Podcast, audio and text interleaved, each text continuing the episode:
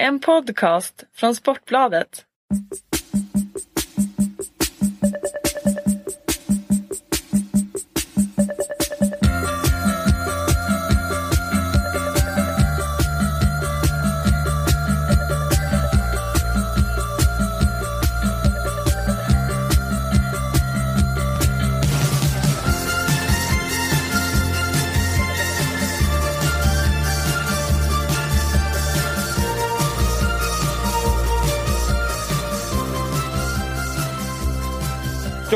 Sportbladets allsvenska podd tillbaka igen. 51% fotboll som vi har döpt den till, Oskar Månsson.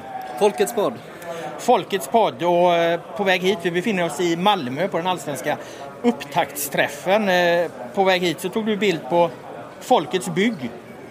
Folkets by- bygg, det var en, eh, en, en bil, firmabil som jag gick förbi på vägen hit. Så Fol- Folkets bygg, Folkets podd. Det finns ju också en Folkets kebab. På, I Stockholm, va? Ja, på Folkungagatan i Stockholm som har ett väldigt, eh, ja, vad ska man säga? Ett fantastiskt namn helt enkelt. eh, Med lite samma anspråk som vi gör med den här eh, podden då. Är det vi som är copycats eller har vi satt en trend? Eh, Jag tror vi har sett en trend som vi kommer få se mycket, mycket mer av i det här landet. Folkets podd i alla fall. Podden framförallt, 51% fotboll. Vi befinner oss på allsvenska upptaktsträffen i Malmö. Men eh, det lämnar vi därhän så länge. Vi ska försöka få in lite gäster här vad det lider. Men vi börjar som vi alltid börjar med reaktioner på förra veckans program. Jag har inte fått så mycket reaktioner, eller jag har fortsatt att få reaktioner från IFK Göteborg-supportrarna som inte riktigt kan släppa den här sänkningen av Emil Salomon från 3 plus till 2 plus i den allsvenska bibeln. Plus att jag då också har uttryckt att jag tycker att Adam Johansson ska gå före. Men det där känns ju lite som att vi har avhandlat eh, spelarna i IFK Göteborg och deras eventuella startelva. Vad har du fått för reaktioner? Ehm, Jag har fått, eh, inte sådär jättemycket faktiskt, men ehm, jag har mest fått på vår signaturmelodi eh, som folk har hyllat ganska mycket faktiskt. Ja, du kände till den sedan tidigare. Det var mer än vad jag gjorde. Ja, det är en gammal syntlåt med det brittiska bandet OMD. En låt som blev... Den, den heter Enola Gay, heter den här låten. Okej. Eh, Och eh, handlar om... eh, Alltså det är en dyster, mörk, mörk låt som handlar om, eh, om Hiroshima-bomben. Men folk trodde på den tiden i England att det handlar om någon, någonting med homosexualitet. Vilket var kontroversiellt på den tiden och gjorde att BBC stängde av den i något läge. Vilket då i liksom förlängningen ändå bidrog till dess popularitet. För då bildades en, eh, en mytbildning kring den här eh, låten. Vår eh, signaturmelodi har alltså satt avtryck i musikhistorien. Lite som våran podd försöker göra i den svenska fotbollshistorien med andra ord. Är det kopplingen? Eh, ja, jag, du missuppfattar lite där hönan och ägget tror jag. Men eh, vi, vi säger väl så. Helt enkelt. Okej, eh, reaktioner på musik och IFK Göteborg då. Och eh, är vi ändå inne på IFK Göteborg så kan vi väl gå vidare för att det känns ju som, som eh, den sena, de senaste dagarnas eh, stora samtalsämnen rör ju det här och det är ju då Prioritet Finans, IFK Göteborgs tröjsponsor vars, eh, vars VD har varit ute och gjort ett utspel som har blivit eh, eh, väldigt omdiskuterat bland Göteborgsfansen och, och sen visade det sig att han några dagar senare klev ju Prioritet Finans här in som huvudsponsor också för Djurgården. Och det märkliga med det här utspelet då som Nils Wiberg gjorde det var ju att han, han efterlyste ju mer inflytande, mer insyn i föreningen. Och det tycker jag i grunden är, är ett väldigt konstigt krav från en, en sponsor. Det är klart att en sponsor kan få komma med synpunkter och, och, och förslag och så vidare men en sponsor har ju inte det liksom, långsiktiga ansvaret för en idrottsförening som klubbföreträdarna måste ha. Därför tycker jag det är helt rätt att man, man håller sponsorerna eh, eh, en bit på avstånd. Sen får han givetvis komma med, med, med sina inspel och sina förslag och så. Och sen är det ju upp till IFK Göteborgs ledning och tycka att ja, det här var en bra idé, det här var en mindre bra idé. Men det är ju på, på, på någon mån den, på den nivån en, en, en sponsor kan medverka. För jag menar, att, han, att Nils Wiberg sedan några dagar senare kliver in och, och, och blir huvudsponsor för Djurgården. Då blir det ju genast en fråga, var har den här personen sina lojaliteter någonstans? Om han har suttit och haft all insyn i IFK Göteborg och sen blir han plötsligt väldigt eh, involverad i en annan förening. Då uppstår ju en, en, en förtroendekonflikt på något sätt. Ja, det är intressant. Folkets podd eh, är ju emot det här såklart. ja, självklart. Eh, men, eh, ja, men det är en intressant diskussion att se vad det får för, för reell betydelse. Hur mycket som är, alltså, har mest någon slags symboliskt värde och vad som faktiskt är reellt. Ja, en parallell där, snabb parallell är ju när Julie Johnson ställde till det som allra värst i AIK. När, när han var, ja, efter misshandel, efter rattfylla så stod han också, var han också misstänkt för våldtäkt och då gick eh, Åbro då, AIKs sponsor, deras VD gick ut och eh, liksom kraftfullt i pressen sa vi har fått nog, vi tolererar inte det här. Eh, vilket följdes av att AIK sparkade honom då. Eh, det är mycket möjligt att de sparkat honom ändå, eh, men det är ju samma typ av eh, diskussion.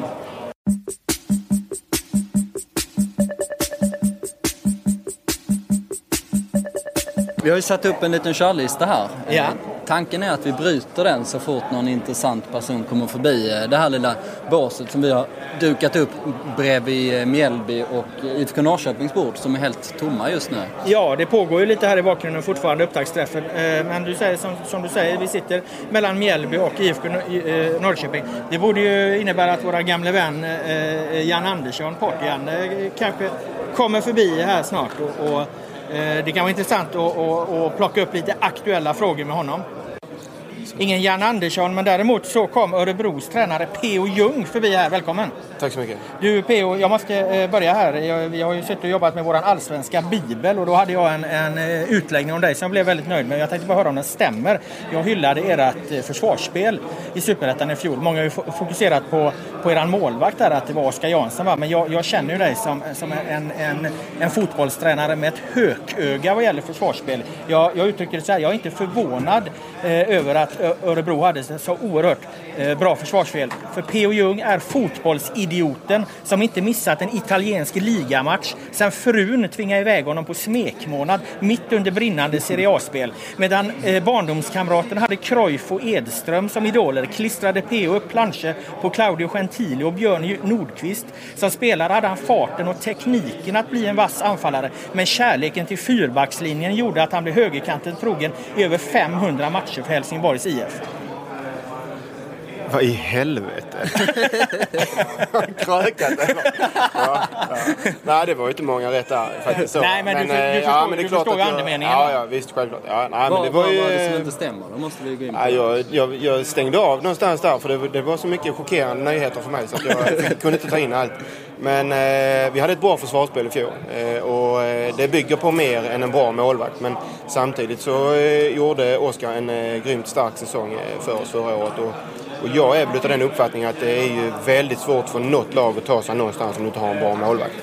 Eh, om vi tittar den serien som vi tog oss igenom förra året så eh, gjorde ju Otto Martler en, en grymt bra säsong i Falkenberg och låg bakom mycket av deras möjligheter att kunna, kunna ta sig framåt. Vi hade en lång framgångsrik period i Helsingborgs IF när Per Hansson verkligen stod eh, i zenit skulle man kunna säga. Han, han är väl inte någon som håller på att dippa så men han hade eh, riktigt starka säsonger där. Så att, ett bra försvarsspel i grunden och självklart en bra målvakt till det.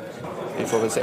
Om man återgår till Oskar Jansson där. Han försvann ju tidigt i, till England. Nu var ungdomsproffs och sen så gjorde han sin, sin första seniorsäsong i fjol då i Superettan kan man ja. säga.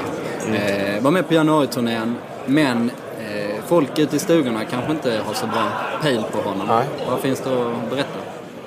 Alltså han är en eh, Örebropåg eh, som eh, tidigt eh, då flyttade utomlands. Han var i, i Tottenhams akademi först en runda och det var nog lite jobbigt första vändan för han tog sig hem och hämtade ny kraft och åkte ut igen andra vändan. Och då gick det lite bättre för honom och jag tror han trivdes rent socialt bättre när han hade fått lite erfarenhet från första svängen. Då.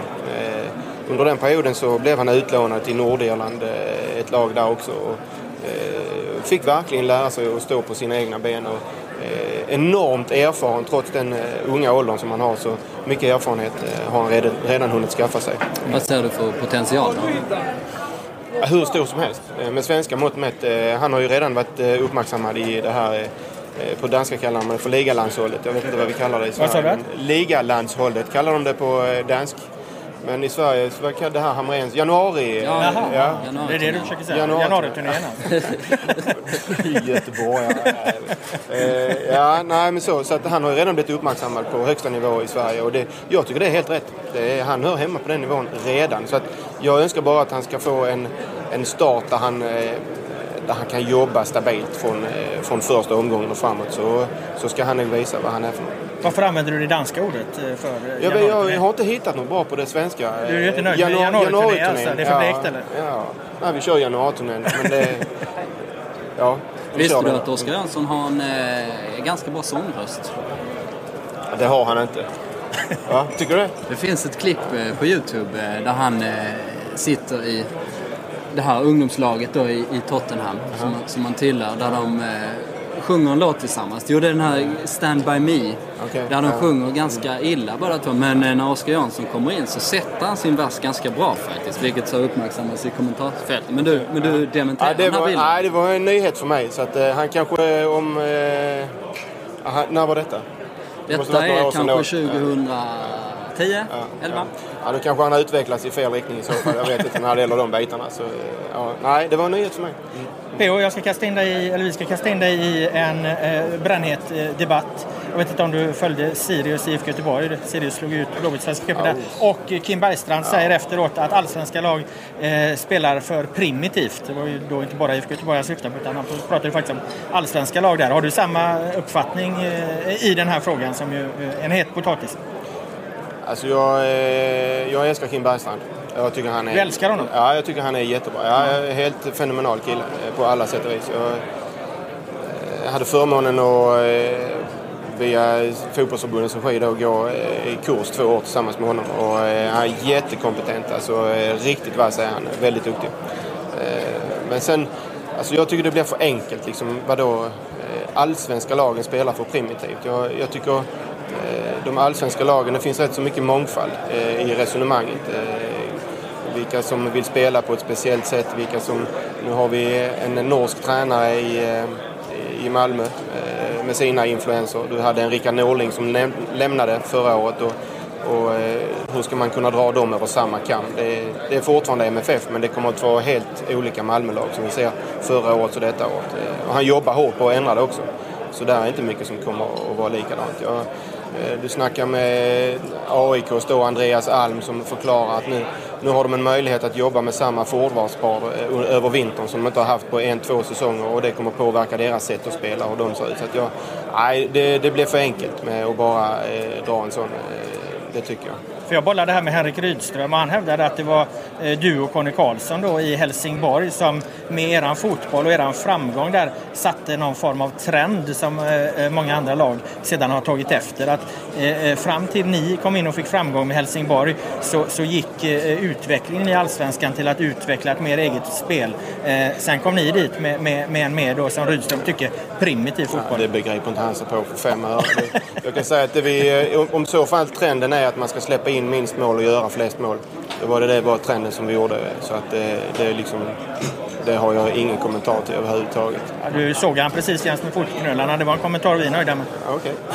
Eller vad säger du Månsson? Det var en bra, bra sågning av våra nya medlemmar. Ja, men alltså för, för, för att ha varit lagkapten, vad kallar de det för? Roliga Kalmar? Nej, det var det ju inte va? Det var väl någonting annat de det kallade för. Så att det, det, jag kanske tänker på det mer i så fall. En mer konkret fråga då. Tryckte du på hur många lag du vill ha i Allsvenskan? Ja, det gjorde jag. Det gjorde du? Jag tryckte på 18. Ja, Okej. Du... Jag håller med Andreas Alm som säger att vi ska ha fler matcher. Eh, Och sen, eh, det är ju inte på många sätt vi ska jämföra oss med AIK, men just detta året så lyckades vi ju strula till den här cuphistorien, både vi och AIK, så att vi har ju missat de tävlingsmatcherna i år. Eh, Men nej, jag tänker så här att det hade inte gjort någonting om att bara för att utan preferens att ta två lag rakt ut ur Superettan så hade det inte gjort någonting om Gais och Hammarby hade varit med här idag. Jag hade inte gjort mig någonting, absolut inte. Och jag tror att allsvenskan hade mått bra av att ha med dem eh, också, till exempel. Eh, om det nu är för att ta två lag som jag vet ska spela i Superettan nästa år. Så att, eh, det, jag, nej, jag tryckte på 18. Det är ju lite motsatt riktning mot hur debatten brukar gå. För det, brukar, det mest högljudda är ju annars att man ska eh, eh, minska antalet lag. Va? Men jag håller, håller med. För ska man göra något med det så tycker jag faktiskt också att man ska, man ska utöka det. Jag tycker att eh, uppgången till 16 lag har varit bra. Ja, ja, men jag tycker, alltså vadå 12 lag? Ja, det är det som Janne Andersson säger att ja, det är jävligt bra. Och framförallt om man är med i ett av de 12 lagen då. va. Men jag vill inte att, vi ska, att det här ska bli mindre. Det ska fan bli större. Fler ska kunna ta del av det. Vi ska, vi ska vara ännu fler som, som kan njuta av allsvensk fotboll och, och liksom den här eh, härliga sporten som vi håller på med. Så att jag, nej, jag, det, för mig är 18 lag, det, är, det klarar vi av. Alltså, det är ett omfamnande mer än ett tillslutande skulle jag vilja säga. Om man kör 12 lags Tolvlagsargumentet handlar väl ofta om eh, kvalitet då helt Ja. enkelt. Att man tänker att de lagen som kommer därefter, 13 till 16 kanske, att de är för dåliga helt enkelt. Att det har liksom vatt, vattnar ur svensk fotboll, eh, Ja. eller vår högsta serie. Ja, jo, jo, ja, det är väl det som är resonemanget så va. Men jag, ja, jag, alltså, om man tittar på det vi har i, i Allsvenskan så, så är det ju en, eh, en mångfald, en jämnhet, en, en ovisshet kring de allsvenska matcherna som kanske inte finns riktigt ute i Europa. Eh, Och det tycker jag att vi ska fortsätta slå på, att det är, det är vår grej helt enkelt. Så att jag, nej, jag, det är det som gör att jag älskar att vara med i den här serien och följa den här serien. För att det finns en ovisshet här som inte finns när jag tittar på internationell fotboll. Det finns annat, men detta här är vår grej. Världens ovissaste serie. De brukar säga det ju. Eh, Så att vi får väl se hur det blir. Och P.O. Jung gör den ännu mer oviss för att du har nämligen gått in här med en inställning att eh, du inte tänker berätta hur det ligger till med skador och så vidare i Örebro. är det här en- du har snackat med nu? Det här är så här Ja. NHL-style liksom. Ja. Alltså, du säger, men du säger inte ens liksom ifall det är det, upper body eller lower body som de kör med, med, med hockeyn. Ja. Utan du, du, du, du har stängt igen den här butiken helt Nej, alltså. jag tycker ni ska ta hit honom och intervjua honom för han hade någon konstig idé om att han ville, eh, Eh, han ville locka mer publik genom att skriva eh, om alla som inte kunde vara med i matcherna och det tyckte jag var en eh, hyfsat ihålig filosofi. Men nej, vi hade en diskussion och han frågade om eh, Crespo och frågan är hur detaljerad man ska vara i, i de här, eh, när vi, alltså, vi vet att Crespo eh, opereras idag och han är borta en tid. Sen vet jag inte mer heller för att det beror på operationen man gått, hur det såg ut i knät med honom. Det beror på hur rehabiliteringen går. Så att hålla på med några konstiga prognoser där, det känns ju jättekonstigt. Så att jag, eh, han kommer inte att spela mot Halmstad. Eh, och där är några matcher till han kommer att missa. Men jag, mer än så behöver inte jag dela med mig. Och sen, alltså, det, i någonstans så vill man ju inte skydda spelaren, men det är inte så kul för dem heller att läsa i detalj vilka problem de har hit och dit och så. så att jag, ja, jag, vi, vi får se hur vi gör i fortsättningen. Men, men på det stora hela så tycker jag vi är oerhört transparenta i, det här i, i svensk fotboll. Och, eh, och vi gör allt vad vi kan för att ge er så mycket information som, som det bara går för att, för att eh, liksom öka intresset kring vår serie. Men, men eh, ring till Paris och fråga om Zlatans sjukjournal så får du se hur lätt det är att få ut den. Ja, men just på den frågan är inte fotbollen så himla stängd vad gäller skador. Med, med liksom ekonomi och sånt där är det, är det ju monstock. Men, men, men skador, eh, där finns det ändå något slags underförstått med att man, man går ut och berättar vad, vad fan är de har. Och så. Okej, det kanske är för att det är tränarna som ska vara ansvariga för det och det är andra som ska ansvara för ekonomin. Jag vet men- inte. Men eh, Crespo där då, du sa knät sa du i alla fall då. Är det korsband? Är det inte då? För han har varit borta hela säsongen. Är det då Ja, en men menis menisk eller ett ledband? Eller är det någon Nej. bröskskada? Ja, eller nej, en men det, översträckning? ja, men det är eller? inget konstigt med det. För det tror jag vi har skrivit på vår, eh, på vår hemsida också. Att det är en yttre meniskskada som han har, som han opereras för idag. Hur ser det ut annars då? Men då är det fyra till sex veckor ungefär? Ja, det beror ju på hur det såg ut exakt när de gick in i knät idag. Och det beror på hur rehabiliteringen går. Eh, men eh, i häradet ungefär, någonting sånt. Men prognos? Fan, vi lockar ur mer ur, ur PO än vad, vad Wagner uppenbarligen gjorde igår här. För Wagner hörde ju av sig sa att nu, har, nu kör de NHL-style uppe i Örebro. Va? Nu får vi ta Efter den generalsågningen som jag fick efter Hammarby borta förra året så vågar jag inte göra något annat än att hålla med här nu. Ja. Har du sågat PO? Alltså in i... Det har jag, faktiskt, det har jag faktiskt gjort. Eh, Inte som fotbollstränare ska jag eh, tillägga. Eh, Som var försvarsgeneral får du inte såga honom. Nej, jag, Nej, men vi- Ja, jag, nej. nej, jag sågar PO faktiskt. Ja, det var ordentligt. För, för, det, det får jag tillstå att det var. Eh, för hur du uttalade på presskonferensen efter en match där. Och jag, och jag tyckte precis eh, Ja, men jag, det, var, tvärtom. ja det, det förstår jag. Det förstod jag när jag läste. Eh, eh, ja, det var en sågning faktiskt.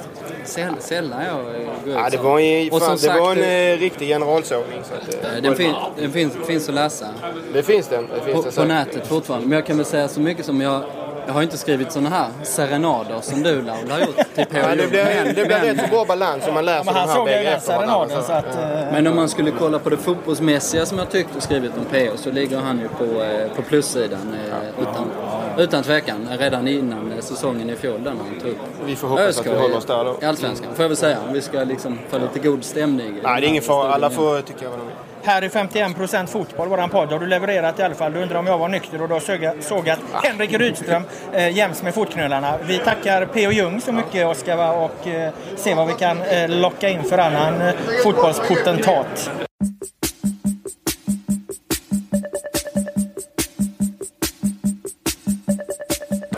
Jag vet inte om alla riktigt hängde med här på, på din beef med, med P.O. Jung kring den här oerhörda sågningen som, som verkar ha tagit, eh, tagit eh, skruv. Ja, men och nu fick vi in eh, Janne Andersson i studion. Ja, har du så, sågat honom också eller? Janne har jag aldrig sågat.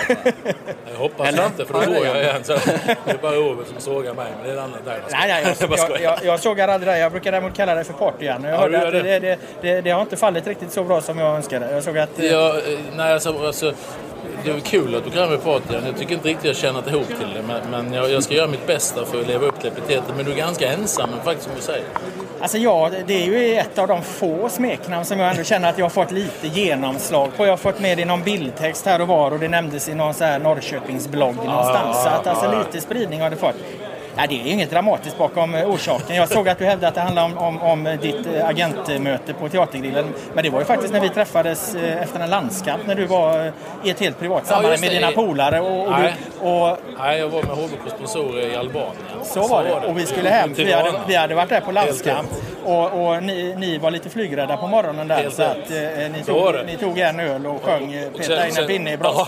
Ja. Och sen eh, kunde ni... Ja, Peta in en pinne i brasan. så eh, Biff och revbensspjäll. Jag vill bara säga att jag ledde inte allsången. Nej, det gjorde du absolut inte. Du, du, du höll en väldigt undanskymd roll det-. Det men- var mycket trevligt redan. Men det var trevligt. Ja, Fantastiskt absolut. trevlig resa var det. Men det, var, det stämmer, det var där då träffades vi. Du har rätt. Då har jag missat. Men jag, jag, jag tycker så här att det, är kul när folk kallar er någonting. Så jag har absolut inga problem med det. Men du är ganska ensam. Ja, det var okej. det, det som var svaret på frågan. Ja, ja. Men vi, jag får kalla det för vi, Ja, det var kreativt. Ja. Det är lugnt. Det är lugnt. Min fru tyckte det skulle vara lite mer party ibland. Ja, hon har noterat det Hon, fall. hon har noterat det bland annat. Nej, så det är lugnt. Men, men jag tolkar detta som ett ganska positivt smeknamn. För jag tror om mannen på gatan liksom skulle säga någonting om dig, då tror jag du är närmare så här. Eh, Tråkigande. nej, men du, ja, nej, det är alltså liksom den trygge folkskoleläraren typ. Mer det än är inte de som har sett mig i samband med allsvenska fotbollsmatcher. Mitt, mitt engagemang och min eh, delvis eh, ibland irritation över saker och ting eller sådär, så tror jag att det, det beror på vilket sammanhang det är och jag tror jag är som alla andra människor. Man har lite olika ansikten beroende på vilken miljö man, man fungerar i. Så är man i- på Albanien på ett EM-kval med, med, med sponsorer och, och ska iväg och flyga och ta några bira, då, då är man en person. Man, står man liksom och håller ett föredrag inför hundra personer med en annan, är man officiell en tredje i samband med match. Men jag är ju inte alltid stolt när jag ser bilderna på mig själv efter en allsvensk fotbollsmatch när jag varit förbannad på något. Man har ju sin person, det är viktigt. Jag tror att man vågar vara den man är och det vågar jag vara. Det, jag är det, den jag är. så det vi gillar med dig är att du, du, du blir inte arg på så här eh, vanliga saker som en felaktig offside-avblåsning. Du blir arg på att eh, eh, den här Ja, skylten eh, kommer upp för sent. Hur många minuter tilläggstid Ja, det är ja, och sådana grejer. Så, ja, man inte har reflekterat över själv. Nej, men det jag blev väldigt arg på det var ju när, när, när man inte får byta beroende på att fjärdedomaren inte är klar med vem som ska bytas in. Det är ingen bra grej. Nej. Det hände på Ullevi för två år sedan och då var det, det var nära att de hade fått hämta mig med spelarbussen på häktet. Efter matchen, för då var jag arg. Men annars är det lugnt. Men det måste man kunna förstå att man kan bli förbannad över en sån sak. För den kan man ju inte styra över liksom. Så det är men någon jag- jävel som sölar med det där liksom. Nej, men jag, jag tror det är lite så här, du vet när du bråkar med din partner där hemma. Då bråkar man ju alltid om disken. Men disken är ju någonting annat egentligen. Ni bråkar ju för att ni har Ah, okej. problem, men man projicerar ju alltid. okej, okej. Så du är ju förbannad på motståndaren eller egna spelet eller så. Men, och sen tar du ut det på fjärdedomarens skylt stackars istället. fjärdedomarnas skylt. Och så länge du tar ut det på skylten, det okej. som inte har några känslor, så är det ju helt Så okej. är det helt okej. Men, men eh, fjärdedomaren där kanske... Nej, det bara att hålla igen lite. Nej, men jag, samtidigt, är, jag, jag tror man ska vara den man är och jag är, jag är liksom fortfarande, det är därför jag orkar hålla på med det här jobbet. Alltså fortfarande så brinner jag. Och fortfarande vill jag vinna fotbollsmatcher och fortfarande tycker jag det ska finnas någon form av rättvisa i det. Och, och är man då uppe i det här så, så kan man ibland snedtända eller sned, alltså hänga upp sig på någonting precis som du säger som nästan kan upplevas som lögn. Efteråt kan man ju själv fundera liksom, fan det var inte så bra det där va. Men, men, samtidigt när du är i det så måste du, lever du inte ut utan du sitter och trycker ner. Om, om man är den typen av människor så tror jag inte det blir bra. Så jag tror man ska vara den man är. Och sen så får folk gilla det, eller får de ogilla det och sen så får det vara som det är. Så, så, så tror jag. jag jag har ju försökt eh, just den här delen med, det är inte partydelen, men med humöret att i olika omgångar verkligen trycka ner. Men då, då upplever jag själv att då blir jag inte bra heller. Jag, jag måste liksom, folk som känner mig och som umgås med mig dagligen spelar, så alltså, de vill ju, alltså blir någonting, de vill ju se mig reagera också. De skulle bli jätteförvånade om så att jag satt där helt lugnt och tittade. Så jag tror att man måste vara den man är, då blir man trovärdig också över tid. Sen behöver inte alla gilla en, det gör ändå inte alla i den här branschen så det spelar ingen roll. Liksom. Det är ingen, alla kommer aldrig gilla det, det är det enda du kan. Jag måste ju berätta en sak, Kalle. Nu står vi på upptaktsträffen. I fjol eh, så stack jag ut hakan och sa att Norrköping skulle komma trea i Allsvenskan. Jag tyckte ni hade ett, eh, ett, ett spännande bygge, liksom var rätt timing på många spelare. Och eh, ja, ni hade en allsvensk skyttekung som satt på bänken. Det fanns liksom mycket eh, han satt på bänken då, eh, Imad Khalili, som sen slog igenom med dunder bak. Men det fanns mycket potential eh, och för skojs skull eh, så hittade jag ett odds på att ni skulle vinna Allsvenskan. Eh, de favoritlagen brukar stå i 6 gånger pengarna. Outsidern brukar stå i 13 gånger pengarna. Och så hittade jag 50 gånger pengarna på Norrköping. Så jag slängde in 1000 spänn på det. Tusen? Eh, tusen spänn. Vilket jag, vilket jag berättar för, för Janne. Eh, och du skulle lite förvalta mitt vad eh, då. Ja, det, det, jag tar på mig det. Du, ändå lovar du mig en flaska bra whisky om det var så att vi lyckades. Så att ja, det fanns ändå vissa morötter för mig i det här. Då jävlar hade det blivit party. Då hade det blivit party. Då, då har du varit välkommen. Nej, men vi, eh, nej men förra året var ett sånt år där, där vi hade gjort en bra höst året innan och om vi fick till allt så kände vi att det fan, här kan vi vara med och slåss. Vi kan vara med och hota. Det hade ja, du hade samma känsla alltså, som känsla hade jag då. Va? Om allting klaffar. Om allt klaffar så kan vi fan vara med. Men, men sen så kom säsongen igång. Vi hade massvis av skador framförallt i backlinjen under våren. Sen tappade vi Mad och Gunnar på sommaren. Och så blev vi nio. Med de förutsättningarna var det väl rätt så okej okay Men känslan då var det är liksom en annan känsla nu då. Då var känslan att vi var mer färdiga. Vi var ett ganska färdigt lag. Vi kände så ah, vi kan få till det här. Jo, är vi inte alls lika färdiga på samma sätt. Så att jag eh, tyckte det var, det var kul när du berättade. För det, det, det, någonstans hoppas man ju alltid själv. Och att höra att någon annan också hade liksom tänkt samma tanke i alla fall. Men, men sen, eh, ah, det bar inte av flera olika skäl. Nej, jag ska väl tillägga att jag, jag trodde ju kanske inte att ni skulle vinna. Men, men som oddset sagt, var tilltalande. Men eh, oddset var tilltalande. oddset var bra, båda med 50 poäng. Och den här säsongen har jag satt er som sjua tror jag. Mm. Det blev. Det är högt tycker jag. Jag tror jag har det 13. Mm. Det är lågt kanske du tycker? Eller var det nia möjligtvis? Ah, jag får, Nej, jag, jag, jag får gardera jag tror, jag, tror, jag tror vi får svårt, även om man vill så tror jag, jag tror det är för svårt att vinna. Jag tror det är några som är för bra för oss. Jag hoppas att det är några som är bättre. Det kan man inte säga säkert redan nu. Men jag tror alltså att spännvidden mellan er väldigt jämnt med jättemånga lag. Så jag tror att sjua hoppas jag är rätt, 13 hoppas jag inte är rätt. Men jag tror inte det är orealistiskt. Alltså, det är ett spann där någonstans där, där vi hör hemma. Sen vad det är, det får vi se. Det, mycket handlar om hur, vi, hur de här spelarna utvecklas. Och, och detta är då, jag ser ju det här projektet, jag har tre år kvar i Norrköping. Jag, jag vill självklart göra bra resultat i år, men jag ser det här året också som ett första året i någonting nytt. Tittar man de tre åren jag varit har vi snittat en nionde plats. Står vi här om tre år så hoppas jag att vi har snittat någonting betydligt bättre. Och det här är liksom första steget med ett delvis nybygge då. Så att, eh, hoppas att vi kan liksom, som sagt, återigen, många av de unga spelarna att de tar de här stegen. Då, då hoppas jag det är mer sjua än tretton. Ja, vi får se var vi står här om tre år. Vi tackar Janne Andersson för det. Vi ska eh, se om vi kan få in någon annan tränare. Nej, jag tycker vi har tjatat nog om det. Tack så mycket Janne. Lycka till!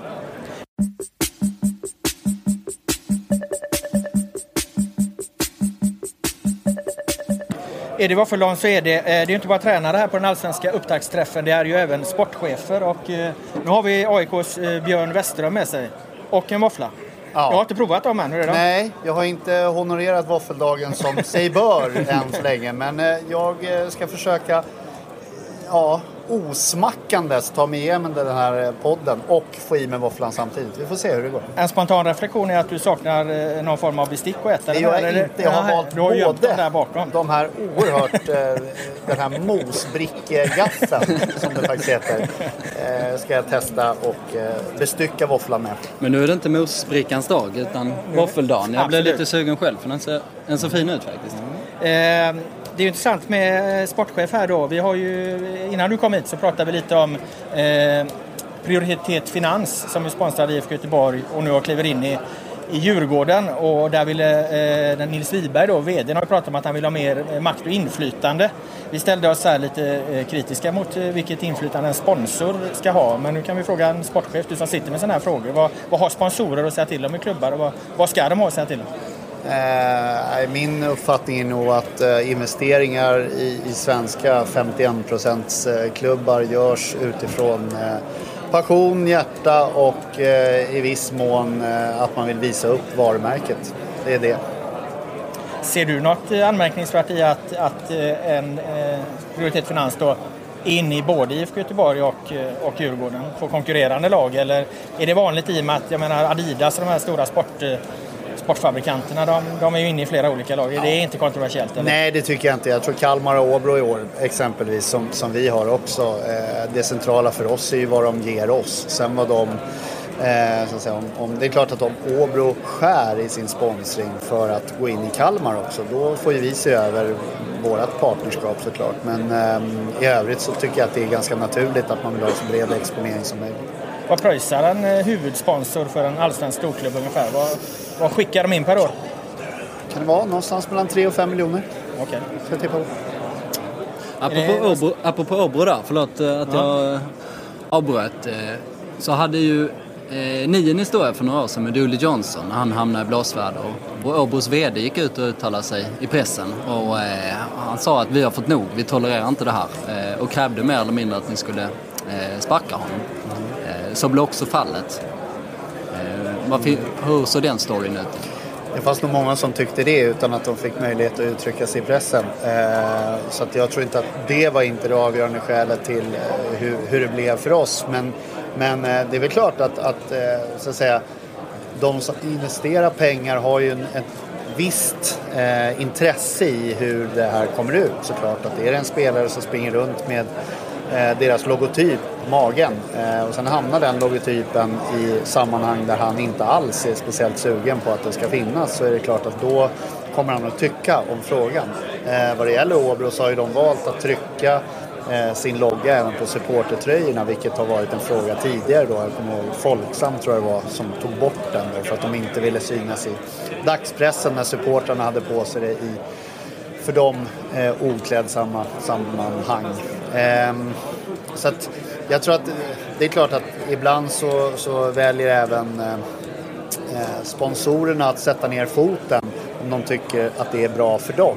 För det handlar det ju om. Det är ju marknadsföringstid även för dem att uttala sig i en sån fråga.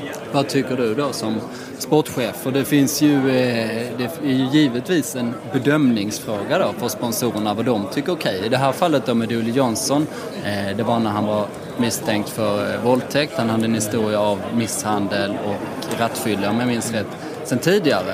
Eh, Men andra spelare kan ju också ha ett brottsregister, eh, så att säga.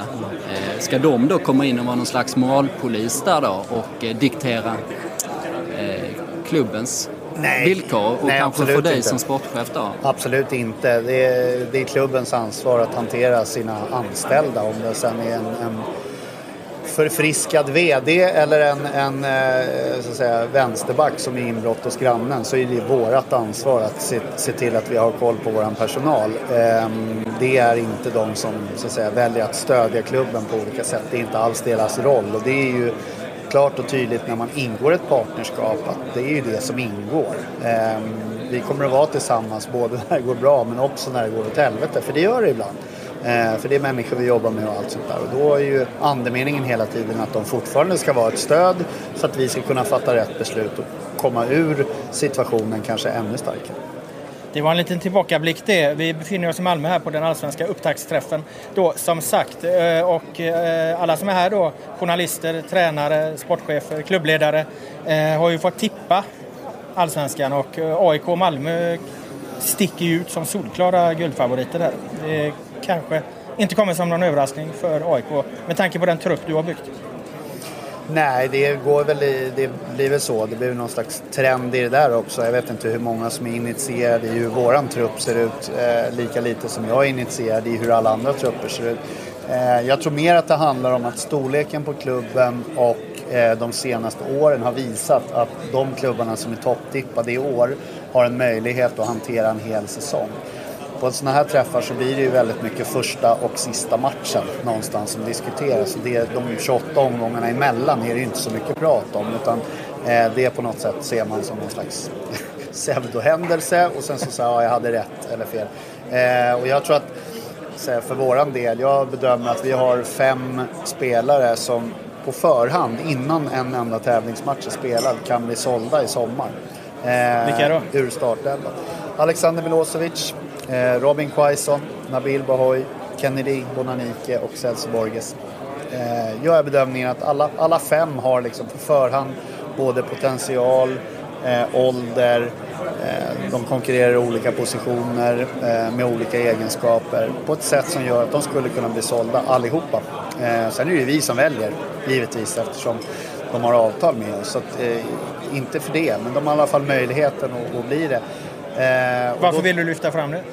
Det är lite ovanligt. Eh. Nej, ja, därför det är en viktig del av vår verksamhet. Eh, och den, här tar man ju bara hänsyn till resultaten inbördes mellan lagen. Jag tror inte alltid att det är det som avgör. Det som avgjorde till Malmös fördel förra året, det var att de ersatte eh, Ranti på ett jävligt bra sätt. Vilket gjorde att de var ännu bättre utan honom. Klarar man av att göra det, då blir man också topptippad. Jag tror att det är sådana saker som gör att Norrköping då ses som, ah, så här, de, fixar, de, de har svårt att göra det som de skulle behöva göra för att hålla samma standard. Eh, man pratade lite grann om Helsingborgs spelartapp. Jag tycker inte att de tappade så mycket som de, som de eh, sa här, men lite det. Eh, så jag tror att det är därför AIK och Malmö då eh, blir topptippade. För att man gör bedömningen att vi skulle ha möjlighet att, att säga, fullfölja säsongen ändå med eh, rätt spelare in. Vad det gäller Milosevic där som du eh, lyfte fram så har jag fått eh, lite info om att han är ganska nära att förlänga. Har, har, eh, har, ska man säga, har fåglarna kvittrat eh, rätt i mitt öra? Är kan våfflan kan du... käkad? eh, precis, eh, det är den ju inte. Den ligger ju fortfarande kvar framför mig. Eh, måste jag beskriva här. Eh, vi jobbar på det och eh, vi är eh, närmare varandra idag än vad vi var för en stund sedan. Ja.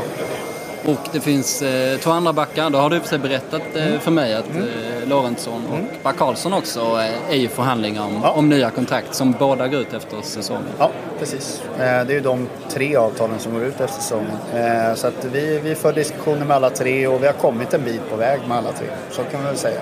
Eh, lite olika långt men ändå en bit. Om man tittar på truppen då utifrån så reagerar man ju på att ni har gått från en en mittbackssituation där ni hade för många mittbackar till en situation där ni kan hamna i ett läge där ni har för få? Eller vilka finns bakom eh, eh Karlsson och Milosevic? Karlsson, Milosevic, Noahsson, Sundberg är bakom. Är han där och ja. redo att gå in? Ja. Han är på den nivån ja, menar du att han, han fixar det? Eh, absolut. Det var, han är ungefär i samma läge som Milosevic var när han kom till AIK. Eh, han startade inte första matchen, Per Karlsson blev skadad och sen spelade han 29 matcher i rad. Ehm, och eh, Noah bedömer jag har samma standard ungefär som, som Alex hade då. Så att, eh, han är absolut redo att spela. Ehm, det finns andra alternativ. Man kan spela Panos Dimitriadis som mittback, man kan spela Nils-Erik Johansson som mittback. En eh, annan grej som vi diskuterat lite här, eh, som kom upp när när tränarna stod på scen, det var ju att det var ganska många, till och med fler, som ville ha höst-vår än, eh, än så som vi har det just nu, det vill säga vår-höst. Eh, intressant ur ett sportchefsperspektiv antar jag. Vad tycker du? Jag tycker ju först och främst att man måste göra utredningen med alla konsekvenser som det skulle innebära innan man kan liksom så här, ta någon slags känslomässigt eh, tyckarfest om det. Eh, ska man ha en känslomässig tyckarfest så, så eh, är det att föredra, ja. Utifrån de argumenten som jag tyckte kom fram. Det vill säga att man, man går in i Europaspel samma år, man får liksom samma transferfönster som de andra eh, större ligorna och sådana saker. Det finns, det finns många fördelar med det såklart, men det ställer ju också krav på på arenorna på ett helt annat sätt än, än, vad vi har idag. Idag har vi krav på att det ska vara samma tejpfärg på eh, strumporna som på, på tejpen men vi har omklädningsrum som man knappt kommer in i på arenorna. Så det är liksom, och arenor som är helt ospelbara delar av året. Vilket, Vilket är det sämsta omklädningsrummet? Gävle, alla okay. kategorier. En barack, tror jag. Ja, det är ju, ja, ni vet ju hur det ser ut där när man går in i spelargången och så får man sådär. Man får Det huka sig, Ja. är det du försöker visa. Det- Ja, jag försöker Det hjälpa funkar, Hoffland, men- funkar dåligt i podcastsammanhang. Att, att visa Jobbigare än. Charader funkar inte så bra i det här Nej. formatet. Men Björn Western duckade alltså här, det var det som hände. absolut. Ja, så dåligt är det så att man duckar. En Om man, om man tittar på, eh, på i fotbollsrörelsen, när vi tittar i supporterled så eh, uppfattar jag det som att det är en väldigt tydlig majoritet för att behålla eh, det nuvarande formatet, att man spelar vår höst. Eh, har du samma känsla? Eh, det, det kan det vara. Jag tror att det finns en viss konservatism inom de eh, leden. Eh, vilket jag har märkt i andra frågor som takfrågor och sånt i våran, i våran klubb. Eh, och det ska man ha den största respekt för. För att eh, är det någonting som, som vi måste värna om eh, så är det publiken.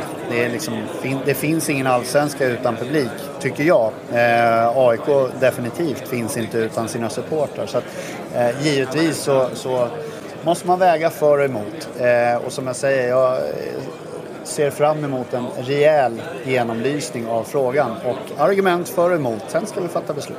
Men är inte just den frågan eh, just en sån fråga som man faktiskt kanske ska lyssna väldigt mycket på supportrarna. Man kanske inte ska lyssna så mycket på supportrarna när man ska tillsätta en ny tränare för det finns det andra som kan mycket bättre. Men när det kommer till när allsvenskan och matcherna ska spelas så är det väl exakt en sån fråga som, som supportrarnas röst faktiskt bör väga väldigt högt. Absolut, helt och hållet enig. Eh, det centrala är att vi presenterar rätt beslutsunderlag för dem. Så att det finns verkligen någonting tydligt att, att tycka om och ta ställning kring. Eh, Det tycker jag är viktigt och jag har inte sett något sådant underlag än så länge. Vi hade P.O. Ljung här. Han berättade att i den andra omröstningen som var från scen så hade han tryckt på att utöka allsvenskan till 18 lag. Visst var det så? Ja, Oskar? så var det. Ja. Var står du där? Hur många lag vill du ha i allsvenskan? Vad sa du åt Andreas Alm att trycka på? Jag- Jag sa ingenting. Jag vet inte heller vad han tryckte på så vi är totalt osynkade i denna fråga. Jag trodde, trodde ni var synkade allting. Sprickan i AIK skulle jag kunna rubriksätta det med. Du kan, få, du kan få skriva själv om du vill. Sätt- Sätter vi den rubriken då blir det, då blir det poddrekord. det är- beslutsrekord. Och nu har vi ju täckning för den också. Ja, ja, vi har ju citat på det. Det är bara att sätta sig hardtasta Ja. så är den hemma. Och så sa han ar- arrogant och satte i sig en våffla. Det blir liksom sådär. Allmän jävla våffla. Det är det. Ja, precis. Nej, eh, jag har ingen tydlig uppfattning idag. Det finns väldigt mycket både för och emot. Eh, till viss del så, så är jag för att utöka, eh, för att kanske få fler matcher, få den möjligheten. Någonstans så är jag lite trött på de där argumenten där man säger att ja, men det blir så, så många matcher som inte är bra. Nej, men vinn då. Det är väl inte så jävla jobbigt att åka och vinna om det nu är så att, att man eh, tycker att en del motståndare då inte skulle kunna hålla kvalitet. Man kan ju vara anfallsspelare om inte annat. Ja, absolut. Eh, Ja, vi, vi, hade, vi var lyckosamma mot BP förra året. Jag tror vi gjorde, jag tror vi gjorde 11-0 på dem på två matcher. Det kan man ju då tycka så här, men vad är det för någonting? Jo, men det är 11-0. Det är fantastiskt. Eh, så att, eh, ja, jag, jag, jag har nog svängt lite grann i den frågan, eh, känner jag här nu, över våfflan. Att, eh, gått från någon slags eh, minskning där, där då någon slags sportslig kvalitet skulle vara det som var argumentet till en utökning där man faktiskt har ja, mer fokus på antal matcher och eh, att göra jobbet helt enkelt. AIK-bossens kovändning i direktsändning. Ja, och ändå har är han, många rubriker här nu. han har dessutom inte tagit en enda bit av våfflan än så länge och riktigt ändå ändrar du uppfattning. Ja, precis. Jag känner att det första jag skulle kunna göra nu är att jag tar upp den här så biter jag istället i tallriken eh, av misstag. Den är fasansfullt lik våfflan skulle jag säga i konsistensen.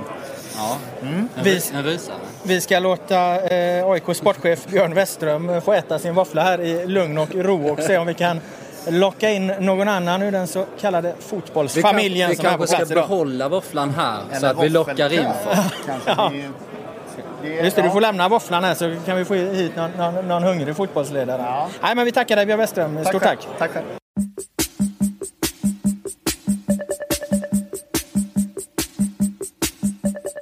själv. Domarbossen Bosse Karlsson eh, sprang förbi här eh, och eh, vi har talat med lite folk om, informerade om den här nya delen av offside-tolkningen. Då. Det, det vi inte riktigt hängde med på på scenen, varför inför Fifa den här nya tolkningen? Vad är, vad är anledningen till Anledningen det? För alla tycker den är krånglig.